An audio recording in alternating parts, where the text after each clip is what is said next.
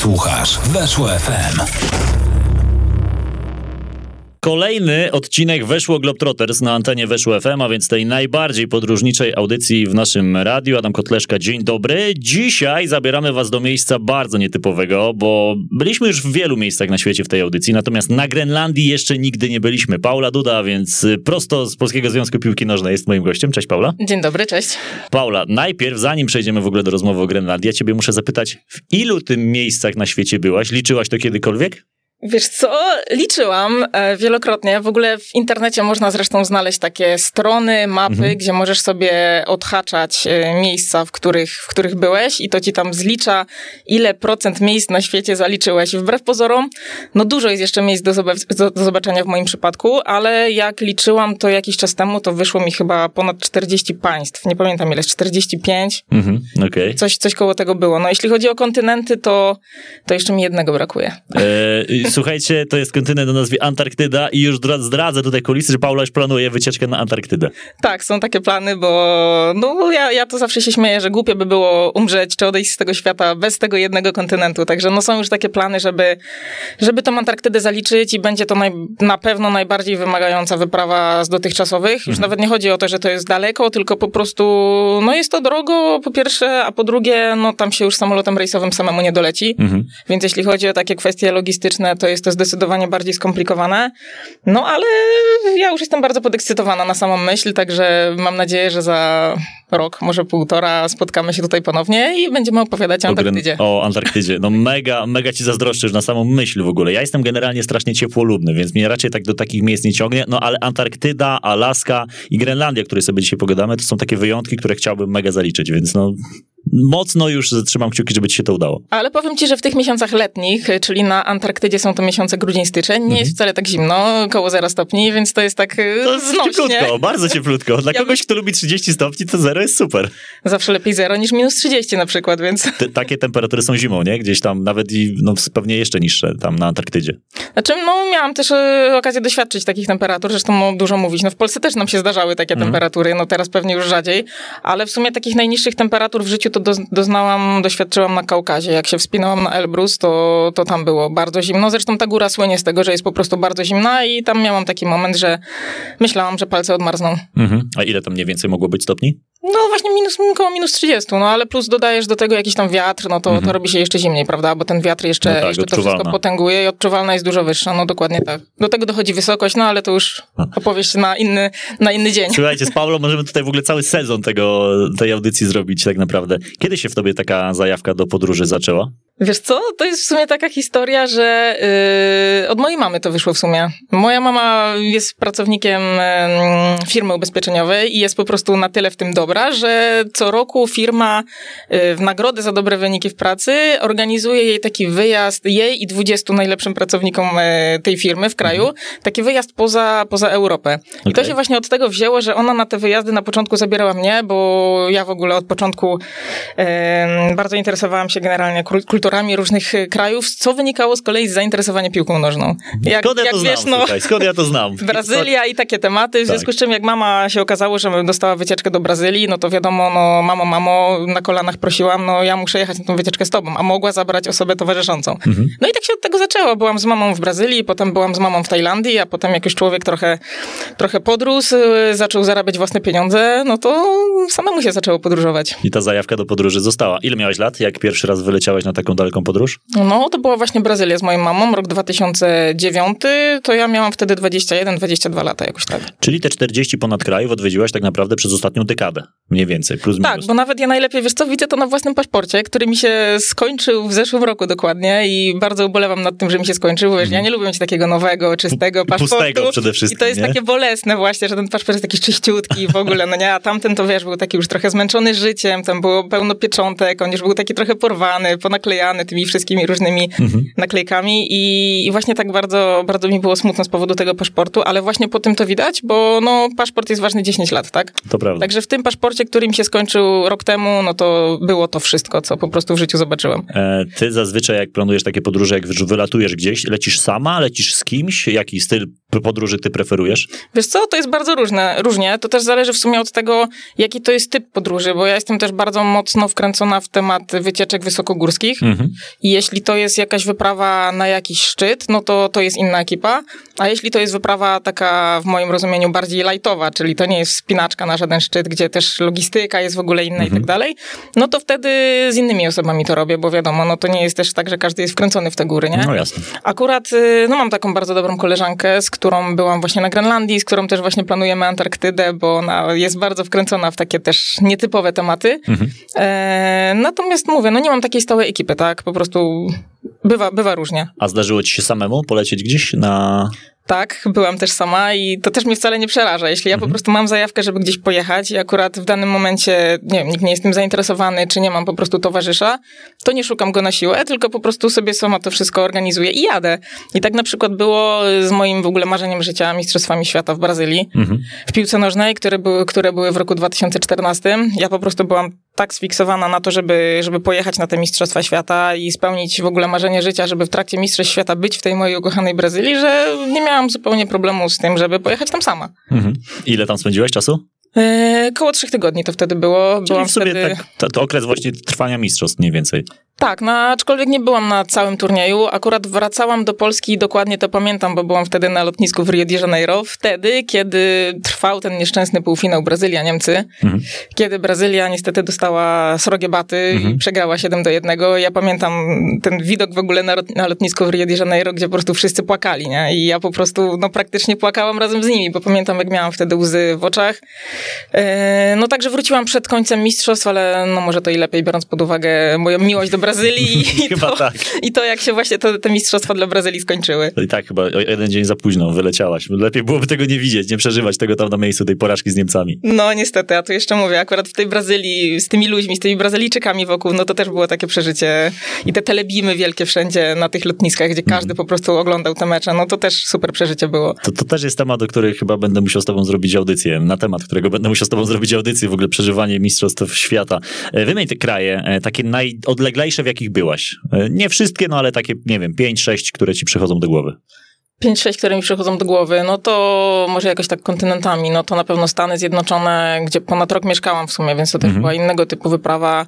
E, Kanada. Gdzie, gdzie w Stanach? Znaczy mieszkałam pod Filadelfią, ale też sporo pojeździłam po samych Stanach, bo było i Los Angeles, i Miami, i, i Waszyngton, i San Diego, no to Mhm. Okej, dużo, dużo oba na miejscu. wybrzeża. Mhm. Tak, oba wybrzeża zdecydowanie tak i nie tylko wybrzeża.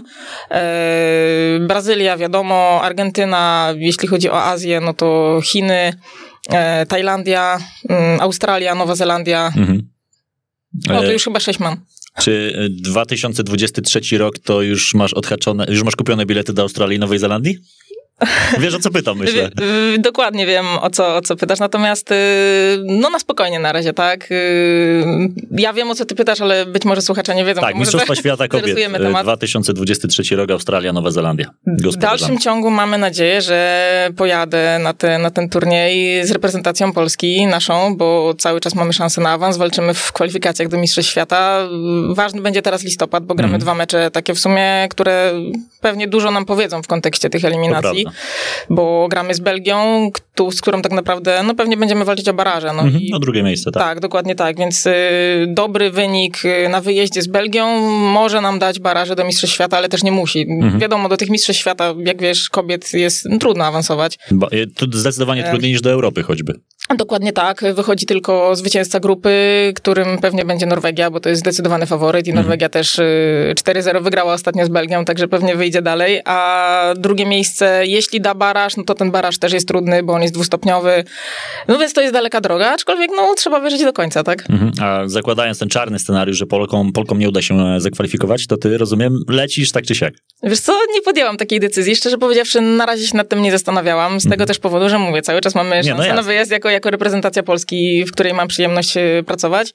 E, A jeśli nie, no to zobaczymy. No na razie jest rok wcześniej też inny cel, o którym wspominaliśmy na początku, także pewnie na to się na razie, na tym się na razie skupiam, a co będzie w 23, to zobaczymy. Też wiesz co, przed tą całą erą COVID-u, to ja się w ogóle śmiałam, że ja kilka lat do przodu to mam zaplanowane w ogóle, gdzie ja pojadę. No bo Aha. tak było trochę, no nie? Ja się śmiałam, że zawsze ja mam plany do tam 2026 roku. Podróżnicze Ja wiem, co tak? będę robić, tak, w każdym roku, tak, dokładnie podróżnicze. No niestety cała ta pandemia przystopowała wiele rzeczy, no ale mam nadzieję, że pomału się to stabilizuje i będzie można do tego wrócić. Mhm. E, z jakim wyprzedzeniem kupujesz bilety na ogół na takie dalekie trasy? Co, to też jest, to też jest różnie. Ja się zawsze śmieję, że ja nigdy nie mam szczęścia do jakichś tanich biletów. Tak jak czasem niektórzy ludzie mi opowiadają, że kupili gdzieś bilet za 30 zł albo coś. Ja mówię, ja to nigdy nie mam takiego szczęścia, nie? I powiem ci, że yy, no to bywa różnie. No na przykład w przypadku Mistrzostw Świata w Brazylii, które były w czerwcu, kupowałam bilet y, w listopadzie rok wcześniej, bo czekałam, czy w grudniu może nawet, bo ja wtedy czekałam, wiesz co, na, na losowanie grup. Tak, gdzie będą grali pewnie Żeby sobie mniej więcej tak, na terminarz, na losowanie grup, żeby wiedzieć, gdzie kto gra i sobie też y, cały taki plan ułożyć tego, gdzie danego dnia będę w jakim mieście. Albo nie, żeby cię jeszcze nie skłamać, to jeszcze chyba inaczej wtedy było. Chodziło o ceny, bo wiadomo, jak już było losowanie grup i było wiadomo, gdzie kto gra i tak dalej, no to te ceny od razu do góry, bo wszyscy wiadomo, kibice z całego świata sobie to planują.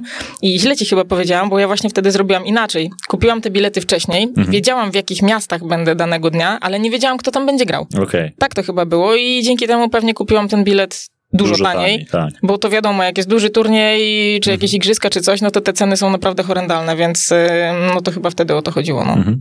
Ja tak miałem, jak leciałem do Australii. Jakby cały wyjazd był podporządkowany pod to, żeby zobaczyć jak najwięcej meczów A-League, e, czyli Ligi Australijskiej. Mm, I jakoś w ogóle chyba z dwa tygodnie, trzy tygodnie przed samym wylotem do Australii kupowaliśmy bilety, więc cena też była niezbyt ciekawa, bo do Australii chyba najtaniej, jak widziałem bilety za jakieś e, około 2000 pewnie można w obie strony znaleźć. My wtedy płaciliśmy około 4000 plus jeszcze loty wewnątrz, e, wewnątrz Australii. Mm, Byliśmy najpierw, lądowaliśmy w Melbourne, byliśmy tam parę dni, od razu chyba za trzy mecze, za, trzy mecze zaliczyliśmy, potem e, Sydney, potem Adelaida na koniec, nie, najpierw Adelaida, później właśnie, później właśnie Sydney. I też wszystko było logistycznie tylko z momentem, kiedy był ogłoszony terminarz Ligi Australijskiej, to dopiero wtedy mogliśmy planować jakieś bilety.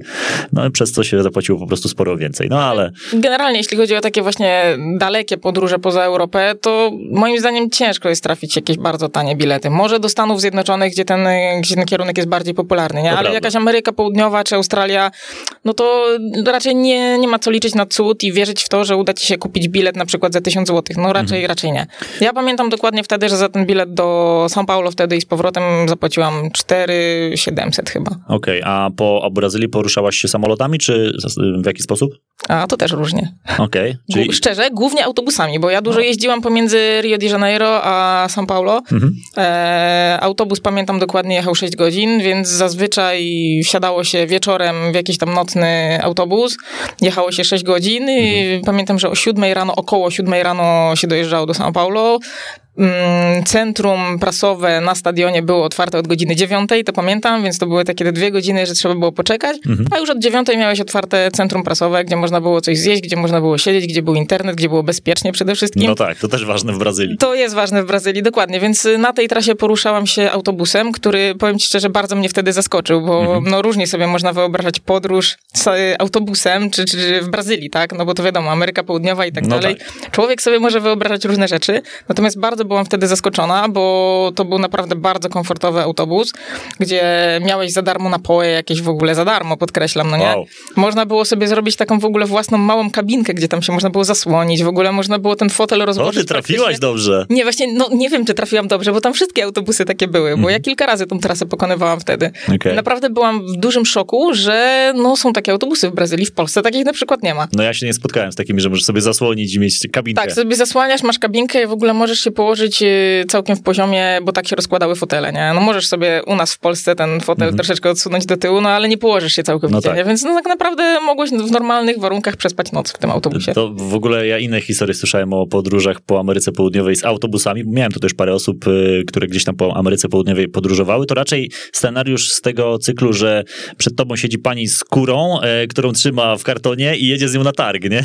A ty mi mówisz o luksusach, więc da się. Ale, ale być może to było też spowodowane tym, że akurat były Mistrzostwa Świata. Być może, tak. Być może to też tak było, więc pewnie, Pewnie wiele tak. rzeczy działało wtedy tam inaczej. Chociażby temat na przykład tych słynnych faweli brazylijskich, nie? Jak Mhm. były właśnie Mistrzostwa Świata, dwa, dni, dwa lata później były Igrzyska Olimpijskie w Rio, no to tam, nie wiem na ile to też było prawdziwe, ale krążyły plotki, że tam rząd się dogadywał z tymi wszystkimi gangami, z tymi wszystkimi fawelami, żeby po prostu... Mhm. Też o tym słyszałem. No, tak. czy nawet płacili im grube pieniądze za to, żeby po prostu no, było troszkę spokojniej niż jest na co dzień, tak? Mhm. Więc no to też był taki szczególny okres, tak? Jeśli chodzi właśnie o Mistrzostwa Świata. Tak, ja, ja znam akurat y, Polaka, y, ambasadora, który pracował w ambasadzie w Brazylii. E, on chyba w Brazylii, czy już nie pamiętam w jakim mieście, ale też opowiadał mi podobne historie, że rzeczywiście to były raczej takie układy.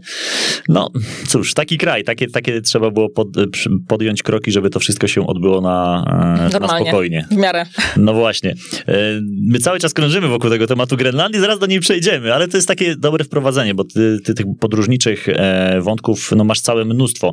Też mnie zastanawia, ile na przykład miesięcy w roku ty możesz podróżować, ile jesteś w stanie sobie tego wolnego załatwić, bo masz pracę dosyć absorbującą, bardzo mocno czasowo, a kurczę, zrobiłaś przez 10 lat 40 krajów, no to wiesz, to tutaj logistyka już wyższy poziom. Ale w tej pracy, w której pracuję teraz, nie pracuję 10 lat, więc okay, to też... no tak, no to jasne. To jest też ta kwestia. Nie, no ja każdemu mówię, że ja mam takie luźniejsze okresy zimą i latem, tak, czyli pomiędzy tymi e, meczami, zgrupowaniami, więc y, latem, powiedzmy w lipcu jestem w stanie sobie pozwolić na dłuższy urlop i potem właśnie grudzień, styczeń to są takie miesiące, kiedy, kiedy się mniej dzieje, kiedy nie ma zgrupowań, kiedy nie ma meczów, kiedy są przerwy w rozgrywkach zazwyczaj, więc to są takie okresy, kiedy ja jestem w stanie te dwa czy trzy tygodnie wolnego mieć i wtedy też właśnie głównie mm, dzieją się moje podróże. Mhm. Grenlandia. Nad czym też, nad mhm. czym też jeszcze, że, że, że skończę wątek, trochę ubolewam, bo na przykład marzy mi się też trekking y, w Himalajach, e, ale to jest najlepszy okres byłby jakiś pewnie wrzesień, październik, tak okay. jak się orientowałam. No a ja we wrześniu, w październiku nie ma szans po prostu w moim przypadku, więc no tak, y, albo... inne obowiązki. Tak, więc albo po prostu, znaczy to na pewno też jest gdzieś tam w kręgu marzeń i pewnie to kiedyś też zrealizuję, ale no trzeba będzie zrobić to po prostu w innym okresie niż ten, który jest najlepszy, no niestety. Mhm.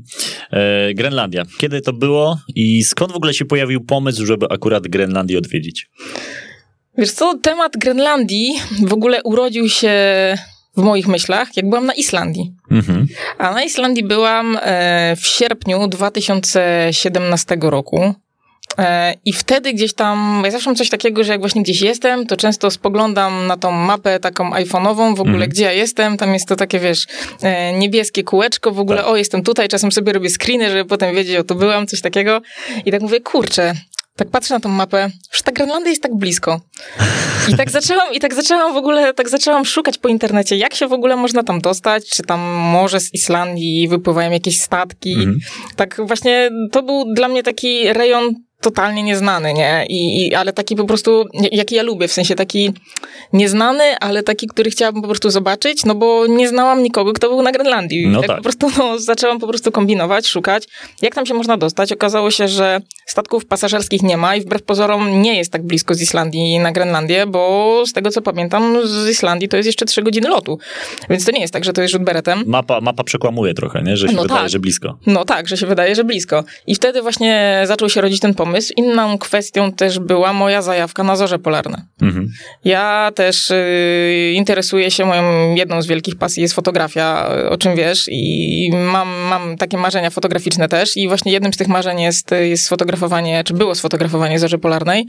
E, innym takim marzeniem jest sfotografowanie tornada, ale to też jest temat na, na inną rozmowę. Ale wysoko mierzysz, to mi się podoba. No tornado to pewnie temat bardziej Stany Zjednoczone, Oklahoma. Tak, pierwsze skojarzenie, też, dokładnie. Pierwsze skojarzenie, tak, ale ja tornad słynna, nie? To jest mhm. Oklahoma, no Dokładnie. i tak dalej. No ale to też jest temat na inną historię i to też y, chyba okres, kiedy te tornada są takie najbardziej intensywne, to z tego co pamiętam, to jest kwiecień. Mhm. Więc u mnie to też jest taki w sumie ciężki miesiąc, żeby gdziekolwiek się, się wyrwać. wyrwać. Mhm. Tak, w każdym razie zorza polarna po prostu zawsze mi się, wydawa, mi się wydawała takim naprawdę zjawiskiem fenomenalnym i jak oglądałam różne zdjęcia tej zorzy, to mówię po prostu, no wow, ja po prostu chcę kiedyś zrobić takie zdjęcie. Mhm. No i wiadomo, no Islandia też jest takim miejscem, gdzie możesz te zorze upolować, ale też oczywiście w konkretnym Miejscu miesiącu i w, o konkretnej porze roku, bo to nie jest tak, że one występują przez cały rok. Na Islandii akurat ich nie doświadczyłam, ponieważ byłam tam w sierpniu. No w sierpniu z tymi zorzami raczej jest jeszcze kiepsko, one dopiero gdzieś tam później zaczynają. Chociaż teraz też przez to, że zmienia się ten klimat, to też czytałam, że te zorze są coraz wcześniej, że tak naprawdę mhm. i już we wrześniu one możesz je gdzieś tam złapać. No i to był też jeden właśnie z takich właśnie motywów. Grenlandia, zorze, okej. Okay. Aczkolwiek mam jeszcze, mam jeszcze inny pomysł właśnie na podróż, y, taką samotną dookoła Islandii, właśnie tylko w poszukiwaniu zorzy polarnej, że w ogóle jadę wow. tam, wynajmuję jakiś samochód pewnie taki z napędem na cztery koła, bo po Islandii trzeba się takim poruszać i skupiam się tylko na polowaniu na zorze polarne. Mhm. Też trzeba mieć do tego troszkę szczęścia i przede wszystkim cierpliwości. E, bo no przede wszystkim musisz mieć pogodę, bo jak masz y, pochmurny dzień, no to też tego nie uświadczysz. Tak. Ale masz też takie, są takie aplikacje w ogóle też, gdzie możesz sprawdzić y, częstotliwość i nasilenie występowania zórz polarnych, które też pomagają w tym wszystkim, nie? Mhm. Akurat ja miałam takiego pecha, że w sumie będąc na Grenlandii, e, zorze najbardziej intensywne były na Islandii, a jak mhm. byłam na Islandii, to najbardziej intensywne były na Grenlandii. Okay. To chyba jakoś tak było. Uciekały przed tobą. Mówię, trzeba mieć dużo szczęścia przy tym wszystkim i cierpliwości, nie? Mhm. E, w każdym razie z zorzami jest jeszcze inna historia związana właśnie już jak byłam na Grenlandii, ale to nie wiem, czy możemy już do tego Dawaj, przejść, bo możemy, tak, możemy, tak od razu, tak od razu. Od razu. No właśnie, no to teraz jestem na tej Grenlandii. Jak się zabrać za te zorze? Aha. I w ogóle to też jest ciekawa historia, bo pierwsze co zrobiłam, to odpaliłam Instagram, wpisałam hashtag Grenlandia. I mówię, zobaczę, co mi tam wyskoczy pod tym hashtagiem, mhm. nie? I w ten sposób dotarłam do pana, człowieka, fotografa, który mieszka w Nuk, w stolicy Grenlandii i jego pasem jest właśnie fotografia. On w ogóle zawodowo robi coś innego, nie jest zawodowym fotografem, ale, ale jest to jego jedna e, z większych pasji i po prostu fotografuje te zorze. Ja weszłam na jego profil i patrzę, o, świetne zdjęcia zórz polarnych. To jest mhm. czego szukam. W ogóle odezwałam się do niego gdzieś tam w wiadomości prywatnej, zupełnie nie licząc na to, że on się do mnie odezwie, no bo wiadomo, bywa różnie, mhm. tak? Natomiast potem się okazało w ogóle, że on się do mnie odezwał, że nie ma problemu. Ja mu powiedziałam, że się wybieram na Grenlandię i też fotografuję, natomiast nigdy nie miałam okazji fotografować zórz polarnych i marzy mi się to i tak dalej. On w ogóle mi zaproponował to, żeby się w ogóle odezwać, jak ja przyjadę, że on mi pomoże, że on mnie tam w ogóle gdzieś zawiezie, wow, poszukamy super. razem tych zórz polarnych. No to też z jednej strony wow, ale z drugiej strony wiadomo, trzeba mieć jeszcze jakąś taką troszeczkę lekki dystans, no bo mhm. no nie znasz człowieka, tak? Jesteś Oczywiście, sam czy tam na Grenlandii. Z tyłu głowy, że to wiesz. Tak, mimo wszystko czasem coś takiego z tyłu głowy jest. To nie jest tak, że ja wszystko robię, że tak powiem, na freestylu, tylko mhm. czasem jakiś tam rozsądek się włącza też. Także to czasami tak. czasem się włącza, tak. Natomiast potem w ogóle okazało się, że mm, super gość, super facet, e, zapakował mnie i moją koleżankę do samochodu, jeszcze wziął w ogóle jakiegoś kolegę. Zaczęliśmy po prostu jeździć, szukać punktów e, na Grenlandii, mhm. gdzie można te zorze złapać też polowaliśmy na pogodę, bo tak jak mówię, jak masz, mm, jak masz pochmurno, no to w ogóle nie ma co w ogóle wyjeżdżać. Też inna kwestia jest taka, że żeby złapać tą zorzę polarną i zrobić dobre zdjęcie, no to musisz wyjechać poza miasto, no bo chodzi o to, żeby było jak najmniej takich świateł miejskich, jakichś mhm. latarni, światła z domów. No jasne. E, no bo jak masz za dużo tego, no to też ciężko jest po prostu zauważyć tą zorzę, nie? Mhm. Inna kwestia jest też taka, że no one mają różną intensywność, więc czasem jest po prostu tak, że stoisz, masz nad sobą zorzę, ale i nie widzisz gołym okiem. Okej. Okay. Ale jak ją zrobisz po prostu przy odpowiednich ustawieniach yy, zdjęcie aparatem, no to mhm. wtedy w aparacie też ją widać zupełnie inaczej, nie? Więc ja miałam właśnie z nim taki moment, że no akurat nie trafiliśmy na jakiś taki, na jakąś super intensywność tych zórz, mhm. no ale jakieś tam były. I raz właśnie miałam coś takiego, że stoimy, o, patrz, zorza. Gdzie? Nie no, widzieliście? W ogóle, w ogóle ja jej w ogóle nie widziałam na pierwszy rzut oka. Jak, no, jakbym sama tam stała i sama szukała tych zórz, to bym w ogóle nie zauważyła, że ona jest, nie? Inna kwestia też jest taka, że one czasem... Yy, pojawiają się na bardzo krótko. Mhm. W sensie pojawiają się, widzisz je przez parę sekund, a za chwilę jej nie ma. Okay. Więc to też po prostu musisz je łapać. I w ogóle, no super też, bo on mi też, no dużo takich porad fotograficznych stricte dał, tak? W mhm. jaki sposób te zorze łapać, yy, na czym łapać ostrość, yy, na jakich ustawieniach to robić. No on był specjalistą w tym temacie, nie? A czemu się tam zajmuje na miejscu? Bo na Grenlandii mieszka nieco ponad 50 tysięcy osób, więc tam Z jakby... czego 18 tysięcy w samym nóg właśnie, nie? No właśnie. Szczerze powiedziawszy, zupełnie nie pamiętam. Mhm. Okay. nie pamiętam zupełnie, czym on się zajmował, natomiast, y, no pewnie opowiadał, ale, ale zupełnie wypadło mi to z głowy, natomiast wyglądał na człowieka takiego dość, no powiedzmy majętnego, tak? Miał okay. dobry samochód, miał dobry sprzęt fotograficzny, miał taką pasję, zresztą, no wiadomo, -hmm. to też jest pasja, która, no jest kosztowna. Jasne. Natomiast zupełnie nie pamiętam, niestety nie powiem ci, czym on się wtedy zajmował. -hmm. Tak zahaczyłem o to, e, żeby jeszcze o tej Grenlandii trochę opowiedzieć. No, miejsce fascynujące. Ogromna wyspa, tak? Miejsce, w którym mieszka, tak jak powiedzieliśmy, 50 tysięcy osób, z czego 18 w stolicy. Wielkie pustkowie tak naprawdę. E, jakie obszary ty Grenlandii zwiedzałaś? Nóg, jak rozumiem, stolicę? Daleko zapuszczałaś się poza miasto? Wiesz co, to też jest tak, że właśnie akurat Grenlandia jest takim miejscem, że przed wyjazdem e, na Grenlandię musisz sobie zadać pytanie, na czym ci najbardziej zależy i co cię najbardziej interesuje, bo jest mhm. to ogromna wyspa, zresztą to jest największa w ogóle wyspa, która nie jest kontynentem na świecie. Tak. E, jest to ogromny obszar i nie jesteś w stanie na jednej wyprawie tak naprawdę wszystkiego zwiedzić, y, czy wszystkiego zobaczyć, bo po pierwsze, y, no jest to bardzo duży obszar i musiałbyś Mhm. na to poświęcić bardzo dużo czasu, a po drugie, no jest to kosztowne, Mhm. bo podróżowanie po samej Grenlandii nie jest łatwe. Generalnie tam nie ma dróg, oprócz tego, że są, wiadomo, w miastach, Mhm. bo na Grenlandii są miasta, to też wcale nie jest takie oczywiste dla wielu osób. E, w miastach są drogi, ale pomiędzy miastami nie ma dróg, w związku z czym Kolei też wybierasz... nie ma jako takiej, nie? Nie ma. Wybierasz albo drogę lotniczą, która wiadomo jest droga, albo płyniesz statkiem, albo ewentualnie możesz wybra- wybrać psi zaprzęg, ale to zajęłoby trochę czasu. To też No jest, tak. to też jest y, inna historia, bo psi zaprzęg to jest też coś, czego doświadczyłam na Grenlandii Okej, i co było jednym z naszych celów, więc zaraz biorąc, opowiesz coś o mm, psim zaprzęgu. tak jest. Biorąc to wszystko pod uwagę, na początku musisz sobie zadać pytanie, na czym ci zależy. Czy bardziej ci zależy na właśnie takim doświadczeniu stricte natury, Mhm. czy chcesz jednak też zaliczyć, y, zobaczyć, jak wyglądają te miasta, czy życie w tych miastach? Eee, I musisz tak naprawdę mieć od razu konkretny plan na tą Grenlandię, nie? Bo to nie jest tak, jak na przykład, nie wiem, jedziesz sobie do Rzymu, czy do jakiejkolwiek eu- europejskiej, czy nawet pozaeuropejskiej stolicy I i, tak naprawdę spontan na freestylu. No nie, tu musisz sobie wszystko dokładnie zaplanować, mieć też dużo cierpliwości, bo wiadomo, są bardzo zmienne warunki atmosferyczne. A dodam jeszcze, że ja byłam w ogóle na Grenlandii na początku grudnia, więc to jest y, okres zupełnie nieturystyczny, bo też należy podkreślić, że Grenlandia bardzo się otwiera na turystykę. Jest coraz, coraz więcej osób chcących tam pojechać i też na, na samej Grenlandii właśnie widać to, że jest coraz więcej takich atrakcji dla turystów, jakichś pamiątek i tak dalej, i tak dalej. Coraz więcej ludzi przyjeżdża. Ma oczywiście to związek też z tym, że no jest niestety globalne ocieplenie i tam jest też coraz cieplej. To już nie jest tak, że no tak naprawdę jak myślisz Grenlandia, to co sobie wyobrażasz? Wyobrażasz sobie ludzi w iglo, Tak, Eskimosów najlepiej jeszcze, e, wyspa skuta lodem i, i, i po prostu no nie ma sensu tam jechać. nie ma sensu jechać, tam jest tylko lód, ewentualnie gdzieś tam Eskimosi w iglo i tyle. Aczkolwiek to też, też warte podkreślenia, że e, Eskimos to jest nie do końca Tak, dobra precyzyjne. nazwa. Mhm. To są Inuici. Mhm. Generalnie wyraz Eskimos jest uważany na Grenlandii za obraźliwy, Obraźliwy, też tak słyszałem. bo oznacza zjadaczy surowego mięsa. Okej. Tak, to się wzięło gdzieś tam od jakichś ludów pierwotnych w ogóle i no nie jest to mile widziane, jak po prostu nazwiesz y, mieszkańca Grenlandii Eskimosem. Mhm. Ja spotkałem się jeszcze z, taką, z takim nazewnictwem Kalalit, coś takiego e, na mieszkańców Grenlandii. Nie słyszałaś o tym, czy, czy nie? To wiesz co, akurat nie słyszałam o tej nazwie. Okej, dobra. Być może jest to moja jakaś ignorancja, ale akurat nie, Nie, spotkałam się. Ja też nie jestem ekspertem, więc może, może ja coś mylę, ale też tak słyszałem, że na mieszkańców Grenlandii właśnie się mówi, bo te Kalalici, coś takiego. Też nie powiem, że jestem ekspertem, jestem po prostu zajawkowiczem, który był na Grenlandii, Jasne. nie? Więc, Jasna sprawa. Więc być może, ale akurat z tym określeniem się, się nie Mhm. spotkałam, więc y, są to Inuici, y, ale surowe mięso też jedzą, bo akurat y, u mojej gospodyni, u której mieszkałam, e, była lodówka pełna surowego mięsa w postaci mięsa z wieloryba. Okej. Popularne, nie? Tam na Grenlandii. Tam jest bardzo popularne, tak, i też, też nie jest tanie to mięso, ale, ale ona akurat miała, miała tego sporo i nas poczęstowała. Mhm. Bo to też jest osobna historia właśnie, gdzie spać na przykład, nie? Tutaj pewnie dużo wątków poruszamy na raz, ale to wiadomo, Bardzo coś, dobrze. Się, coś się nagle przypomina i Co, co skaczemy masz, trochę z co masz tematu na na myśli temat. z tym spaniem? No, miejsc noclegowych jako takich jest mało, Mhm. więc jeśli ktoś chce wybrać hotel albo hostel, które też są, no to, to nie ma ich za wiele i trzeba dużo wcześniej te miejsca rezerwować, ale wiadomo jak to jest z hotelami. No, mieszkając w hotelu tak naprawdę nie poznasz dobrze życia lokalnego. Mhm. Dlatego mm, my od początku nie braliśmy pod uwagę hotelu. Okej. Eee, wybraliśmy couchsurfing. Mhm.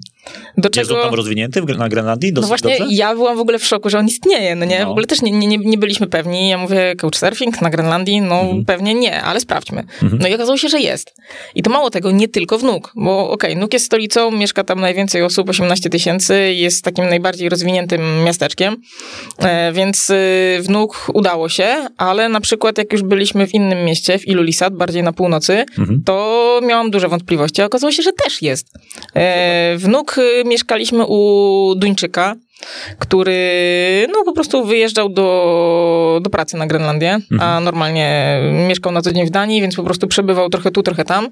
Mm, No i on sobie taki, taki couchsurfing właśnie uprawia i mieszkaliśmy u niego. Martin, pamiętam, że miał na imię, bardzo w ogóle sympatyczny gość, y, zabierał nam, nas tam do jakiejś knajpy jednego razu i w ogóle taki, no bardzo taki wygadany i przyjemny dla ludzi. Natomiast w Ilulissat mieszkaliśmy u pani, która miała na imię Anna i która miała miała dwójkę dzieci. Mhm. Także to w sumie też jest ciekawa historia, że ona w ogóle, no matka z dwójką dzieci zdecydowała się na to, Na żeby wziąć... wynajem jeszcze. Na wynajem tak, żeby wziąć w ogóle ludzi na couchsurfing w ogóle, no nie? Natomiast ym, ona zależało jej na tym po prostu, żeby ćwiczyć swój angielski.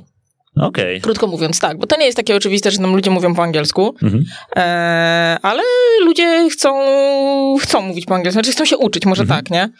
E, no i jej na tym zależało i dlatego też, dlatego też właśnie tych ludzi na couchsurfing brała i dla niej to było też takie, no fajna wymiana kulturowa, e, fajnie, Poznanie że... kogoś z zewnątrz. Poznanie nie? kogoś z zewnątrz, dokładnie tak. I też, nie wiem, pokazanie pewnie tym dzieciom, że istnieją ludzie spoza. Mhm. Ale to też nie było tak, bo się pytaliśmy, czy w ogóle oni wyjeżdżają z tej Grenlandii, czy oni tylko tam siedzą. Mhm. E, I ona mówiła, że nie, że oni w ogóle byli w Grecji, no w A, Danii byli, że w Danii byli wiele razy, no bo wiadomo, e, Grenlandia należy do Danii, Tak, tak? No. Oficjalny status taki. Geograficznie w ogóle Grenlandia należy do Ameryki Północnej, ale politycznie należy do Europy, ale nie jest w Unii Europejskiej. To w sumie Tak. status Grenlandii jest dość skomplikowany, nie? Dodatkowo, jak już e, mówimy, mówimy też o wątkach piłkarskich, też Grenlandia nie należy do FIFA, nie należy do UEFA, e, więc jakby de facto no, nie ma swojej reprezentacji, e, która by startowała w eliminacjach do turniejów. Ale ma reprezentację w futsalu. Ma. Też Bo to- ostatnio, ostatnio, nawet, ostatnio nawet reprezentacja Polski miała okazję grać mecz towarzyski Z z Grenlandią, Grenlandią. i wszyscy tam, pamiętam, byli w ogóle zdziwieni. Jak to z Grenlandią? To chyba ze Eskimosami, czy wiadomo, jakie jest wyobrażenie ludzi na, temat, na ten temat, nie? Trzeba je trochę odkłamać, zdecydowanie. Tak, ale powiem ci, że właśnie ja nawet będąc tam, czy w tym NUK, czy w tym Ilulisat, to no jest dużo hal sportowych. Mhm. Także no są reprezentanci Grenlandii w różnych sportach. To nie jest tak, że to tam nie istnieje, nie? Mhm. Więc no tak jak widać, w piłkę nożną na trawie może nie, ale w futsal już tak. E, No z tą trawą jest problem. No bo bo dokładnie. 15% w ogóle całej wyspy to jest tylko tereny zielone, a cała reszta to jest pokryta lodem de No facto. i w ogóle nie ma drzew na przykład, nie? Więc no utrzymanie boiska piłkarskiego byłoby pewnie dużym wyzwaniem, To ale jest myślę... chyba nierealne nawet powiedziałbym. Ale wiesz co, Takiego może... na, naturalnej nawierzchni, nie? No to Naturalnej. Pewnie, pewnie łatwiej. No, no tym bardziej biorąc pod uwagę właśnie takie nóg, gdzie no latem tam potrafi być ponad 20 stopni, nie? Mhm. No to Mówię. już klimacik naprawdę. Tak, no dlatego... Oni się rozbierają i kąpią w morzu, jak jest 20 stopni. No, dlatego mówię, no Grenlandia jest wielkim, wielkim, wielką wyspą, więc y, na tej samej takiej północy, no to okej, jest bardzo zimno. Mhm. Tak. Ale na południu, gdzie masz właśnie te wszystkie miasta, bo właśnie wszystkie miasta Grenlandii, no to są skupione głównie na południu, Mhm. no to istnieje normalne życie, tak? No są po prostu nawet biurowce, są blokowiska, nawet trochę w takim socjalistycznym stylu. Normalnie po prostu jest życie, no nie? Co po prostu dla wielu pewnie jest cały czas zaskoczeniem, bo ja jak mówiłam, że jadę na Grenlandię, to każdy sobie właśnie wyobrażał to, o czym wspominaliśmy, tak, że lód, iglo, gdzie ty nam będziesz mieszkać? W iglo chyba, nie? A tam się okazało, że tam normalnie ludzie żyją, mają Netflixa, Nawet mają Netflixa. mają Netflixa, grają w piłkę, mają korki Nike'a, bo, bo te dzieci, pamiętam tej, tej pani, u której mieszkaliśmy, normalnie właśnie też grały w piłkę, też się interesowały tym wszystkim, miały dostęp do świata, znały Netflixa i miały korki Nike'a i w ogóle... Okej. I normalnie żyli, nie? Więc to nie jest tak, że tam po prostu ludzie żyją w iglo i jedzą surowe mięso. To nie Antarktyda, to nie Antarktyda. E, będziesz miała niedługo porównanie. No właśnie. To wiesz co, wróćmy jeszcze na moment y, do samego wylotu na Grenlandię. Jak się dostać y, na Grenlandię? Dostać się można, są dwa sposoby. Mhm. Mm, Znaczy, sposób jest jeden, bo drogą lotniczą. Znaczy, oczywiście możesz jechać. Jeśli, jeśli jesteś członkiem jakiejś ekspedycji, nie wiadomo jakiej, no to pewnie możesz się dostać w inny sposób, ale jeśli nie, a zapewne nie, no to jest to droga lotnicza i masz ym, dwa sposoby. Albo lecisz przez Islandię, Mhm. albo lecisz przez Danię. Danie. Mhm. Tak. e, My akurat wtedy leciliśmy na, i przez y, Islandię, bo to jeszcze było tak, zależało nam na tym, żeby wylądować w Nuk. Bo też Nuk, mimo tego, że to jest stolica i tam się najwięcej dzieje, to nie ma największego lotniska na Grenlandii. To, Okej, to, to też jest ciekawostka, tak. Właśnie największe lotnisko na Grenlandii, gdzie właśnie latają samoloty z Danii, nie jest w Nuk, a jest w miejscowości, która ma trudną nazwę, ja już sobie ją zapisałam z tego wszystkiego. Mhm. Pewnie nie wypowiem jej jakoś super dobrze, ale nie musisz, się. Nie musisz, spokojnie. Kangerlusak. Okej. Lusłak, Lusłak. Czyli widzę, że też trochę na północ od nóg. Tak, to jest y, kawałek od nóg, bo z tego co pamiętam, to jest chyba z 300 kilometrów na północ Mhm. od nóg. I tam latają samoloty z Danii. Masz generalnie. Yy, czekaj, ja też sobie to właśnie musiałam sobie parę notatek porobić, bo to jednak trochę czasu Śmiało. było.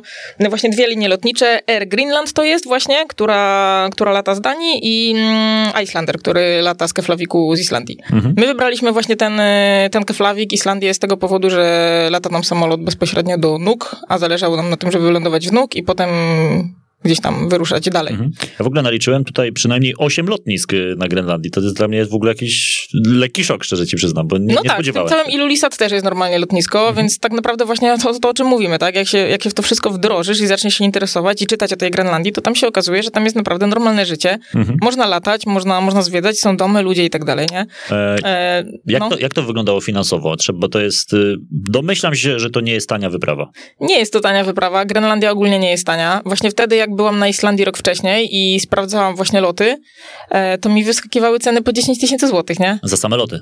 Tak, za same loty, Okej. ale trzeba wziąć pod uwagę to, że ja wtedy wpisywałam jakieś terminy, wiesz, bliskie pewnie, bo to było tak, wiesz, orientacyjnie, żeby zobaczyć, jak to Mhm. Rozumiem. wygląda. To była jedna rzecz, a druga rzecz to był jeszcze ten e, turystyczny taki okres, nie? Czyli Mhm. po prostu, no ludzie zazwyczaj latają na, na Islandię zresztą też, czy na Grenlandię w takich okresach jak maj, czerwiec, lipiec, nie? Gdzie jest Bo troszeczkę cieplej, nie? po pierwsze jest cieplej, a po drugie jest po prostu przede wszystkim widno. Mhm. Bo w czerwcu no masz, y, nie masz nocy, tak? Masz cały czas po prostu widno, No tak. masz cały cza- czas dzień i to też ci daje zupełnie inne możliwości podróżowania i zwiedzania. A my byłyśmy z koleżanką na tyle w ogóle nienormalne, że właśnie polecieliśmy tam w zupełnie nieturystycznym okresie, czyli w grudniu, Mhm. kiedy tam jest praktycznie totalnie ciemno. To w ładnie trafiłyście. To w ogóle jest też taka historia, czy my o tym oczywiście wiedziałyśmy, nie? Mhm. E, Ale pod zorze to chyba dobrze, nie? Jak no ciemno. pod zorze akurat dobra, no właśnie to jest właśnie to, o czym też wcześniej powiedziałam. Zawsze zależy wszystko od tego, kto ma jakie priorytety. Tak. Bo można lecieć na Grenlandię i wydać dużo pieniędzy, ale można lecieć na Grenlandię i wydać troszkę mniej pieniędzy. No wszystko zależy właśnie od tego, jak chcesz podróżować, gdzie chcesz spać. Wiadomo, to zresztą Mhm. w każdym innym kraju jest tak samo, no nie? Eee, I wiesz co, to w ogóle też y, ciekawa historia z tym, z tym, że tam w ogóle nie było dnia tak naprawdę, Mhm. bo słońce tam wtedy w ogóle nie wschodziło. W ogóle? No, w ogóle nie wschodziło. Tam w ogóle było coś takiego wtedy, że o godzinie 11 em, zaczęło, 11 rano oczywiście, czy tam Mhm. prawie w południe, zaczęło się robić jasno, Mhm. widno, ale nie wschodziło słońce, czyli była taka, powiedzmy, szarówka. Okej. I taka szarówka, że było w miarę widno, trwała może 3 godziny. A potem znowu się robiło całkiem ciemno. Można depresję jakieś dostać. Można dostać depresję, ale to tam właśnie w ten sposób wyglądało. I słońce, y, z tego co właśnie co pamiętam, wschodzi tam, tak, y, że zaczyna się pojawiać i w ogóle promienie słoneczne zaczynają się pojawiać i wschodzić za horyzontu w połowie stycznia. I wtedy, kiedy to słońce zaczyna wschodzić, to to jest właśnie bardzo ważny dzień dla Grenlandii. Stąd, też, y, stąd też właśnie jest flaga Grenlandii, bo flaga Grenlandii pewnie kojarzysz, jak wygląda. Tak. Jest tam taka, mm, takie kółeczko na środku, Biało-czerwone swoją które symbolizuje właśnie wschodzące słońce. Okej. To się właśnie stąd bierze, że to jest właśnie taki ważny dzień dla nich, że to słońce właśnie wschodzi w połowie stycznia. Mhm. E, no i wiadomo, od stycznia się robi coraz ten dzień dłuższy. Natomiast w grudniu jest tak naprawdę totalnie ciemno, więc my też mieliśmy ograniczone pole manewru właśnie z tego powodu, bo no, było widno przez trzy godziny w ciągu dnia, nie? Mhm. Ale no powiem ci, w samym nóg to daje to niesamowity klimat, bo jako, że to jest miasto, no to miasto jest dość dobrze oświetlone, jest dużo świateł i, i przy ładnej pogodzie to naprawdę masz takie widoczki, a w nóg jest właśnie bardzo dużo takich fajnych punktów widokowych, że możesz sobie wyjść gdzieś wyżej na jakiś, no nie powiem górę, ale powiedzmy jakiś taki pagórek, Wzniesienie. Mhm. wzniesienie pagórek, gdzie po prostu roztacza się, roztaczają się piękne widoki. Akurat właśnie to południe Grenlandii i nóg jest bardzo ładnie położone, także oprócz tych wszystkich atrakcji, które, które masz na miejscu, no to, to właśnie ta geografia, to położenie i w ogóle te widoki sprawiają, że jest to miejsce, które po prostu zachwyca Mhm. i które warto zobaczyć. To jest miejsce w czołówce tych miejsc, które widziałaś do tej pory? Wiesz co, nie jest to, co ciekawe, moim top 3. Mhm. A w top 10 spokojnie myślę. No nie, no myślę, że nawet w jakimś top 6, nie? Ale, ale no top, top 3 pewnie, pewnie nie, bo na przykład dużo bardziej zachwycałam się chociażby wodospadami Iguazu w Brazylii, na których też miałam okazję być dwa razy, a rzadko wracam drugi raz w to samo miejsce, no bo Okej. wiesz, kula ziemska jest bardzo duża, miejsc Tak. do zobaczenia jest bardzo Nie ma dużo. czasu i na ja to, żeby wracać. Tak, uważam, że nie ma czasu, żeby po prostu dwa razy jechać w to samo miejsce, tak jak niektórzy jeżdżą na wakacje co roku w to samo Tak. miejsce. Znam też takie osoby, no okej, Też. szanuję, bo każdy ma różne priorytety, ale no, nie do końca ja to rozumiem, bo jest tyle fajnych miejsc do zobaczenia, że ja bym na przykład chciała jak najwięcej tych miejsc zobaczyć. Mhm. E, Ale akurat na wodospady Iguazu, i to jest chyba właśnie taki mój wyjątek, wróciłam. Miałam jak, tam jeszcze... po jakim czasie wróciłaś? Yy, Byłam pierwszy raz właśnie w 2009 roku, wtedy co, co byłam na tej mamą, wycieczce z tak? mamą, dokładnie tak, a sama wróciłam na wodospady Iguazu w 2019 roku, czyli nie tak dawno. Tak. Przy okazji Copa America w Brazylii, które było kolejnym moim marzeniem, żeby piłka. były Mistrzostwa Świata, ale jeszcze Copa America w Brazylii to byłby czad. No Masz jeszcze odhaczone zaliczyłam. już. Mam odhaczone już, właśnie dokładnie tak. I wiesz co, wtedy była taka historia, że mm, ja miałam tam takie marzenie, wiesz, do spełnienia, żeby jeszcze polecieć e, śmigłowcem nad tymi wodospadami i po prostu sfotografować je z góry, bo to też w ogóle takich zdjęć jest pełno w jakichś katalogach i tak dalej. I ja mówię, no takie coś by było jeszcze fajne. Ale jak pojechałam, to okazało się, co oczywiście, że jest pochmurno. Mhm. I to rodzi o tyle problem, że jak jest piękna słoneczna pogoda, no to nad tymi wodospadami roztacza się piękna tęcza. I to jeszcze potęguje ten super widok, tak? Okej. No ale jak jest pochmurno, to tego nie ma. No tak. Eee, I byłam wtedy po stronie argentyńskiej, z tego tak, to było po stronie argentyńskiej, gdzie ogólnie te wodospady po stronie argentyńskiej są dużo ładniejsze i tam się więcej dzieje i tak dalej. Mm, I tam było pochmurno. W drugiej części dnia wróciłam na, na stronę brazylijską i zaczęło się przejaśniać. I Ja tak patrzę, wychodzi słońce. Już miałam w ogóle jechać gdzieś indziej dalej, w ogóle do domu wracać, nie? Wychodzi słońce. Patrzę, jest baza, skąd wylatują te śmigłowce. Aha. Idę zapytać, bo tu też nie miałam w ogóle wcześniej kupionego żadnego biletu i nic takiego, więc też nie Czyli wiedziałam. spontan. Nie dokład, dokładnie, to był akurat totalny spontan, więc też nie wiedziałam po prostu, czy to można tak od razu sobie iść i po prostu lecieć, czy to trzeba wcześniej zarezerwować i przede wszystkim też ile to kosztuje i tak dalej, nie? I tutaj akurat y, podeszłam do, do tej bazy śmigłowców, nie było tam akurat dużo ludzi i pytam się, z, za ile mogę lecieć? No za pięć minut.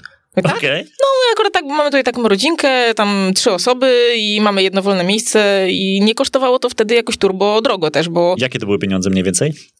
Z tego co pamiętam, to to kosztowało z jakieś 300 zł, więc to nie była jakaś taka cena No tak, zaporowa. zaporowa. Zaporowa. Natomiast mówię, ja też mam mm, taki styl podróżowania, e, że jak już jestem w jakimś miejscu, w którym wiem, że jestem być może po raz pierwszy i ostatni, i które mnie po prostu zachwyca i chcę gdzieś lecieć śmigłowcem, to po prostu lecę tym śmigłowcem. Mhm. Rozumiesz? Bo nie wiem, czy wrócę już w to samo miejsce. tak. To, tak jak, nie wiem, niektórzy też mają, że są gdzieś na wakacjach i o, chodźmy do tej knajpy, która jest tam dwa metry obok, bo tu ta pizza kosztuje dwa złote mniej na przykład, wiesz o co chodzi. To, No tak. to, to, no ja w ten sposób nie, nie działam, z tego też względu, że po prostu, no i zdaję sobie sprawę, że jestem w takich miejscach, w które już mogę po prostu nie wrócić, w związku z czym chcę z tego wyciągnąć jak najwięcej. Maxa. Dokładnie tak. I wiesz co, to też yy, wracając jeszcze do tego śmigłowca, znowu odchodzimy od tematu Grenlandii. Spokojnie. Myślę, że jest Ale- na tyle ciekawie, że możemy sobie na to pozwolić. Ale to też jest fajna historia, bo yy, no wiadomo, mi najbardziej zależało na sfotografowaniu Mhm. tych wodospadów z lotu ptaka. A jak wykupujesz sobie taką wycieczkę i trafiasz na obcych ludzi, Mhm. Którzy, no, których nie znasz, możesz na przykład trafić w takim śmigłowcu na miejsce y, z tyłu, w środku, pomiędzy ludźmi, co też by ci utrudniało to To, fotografowanie. to prawda.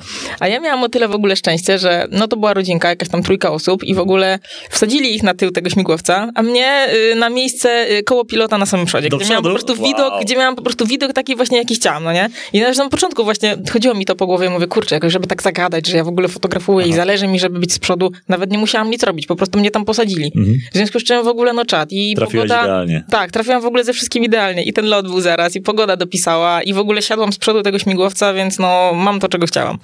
Wróćmy na Grenlandię. O Brazylii na pewno jeszcze będzie okazja pogadać. E, wróćmy jeszcze na Grenlandię. Dobra, lądujecie w Nuk e, po przylocie. Mm, I jeszcze raz przypomnij, jaka to, jaka, to była, jaka to była data mniej więcej? To był grudzień 2018. E, długo przed świętami?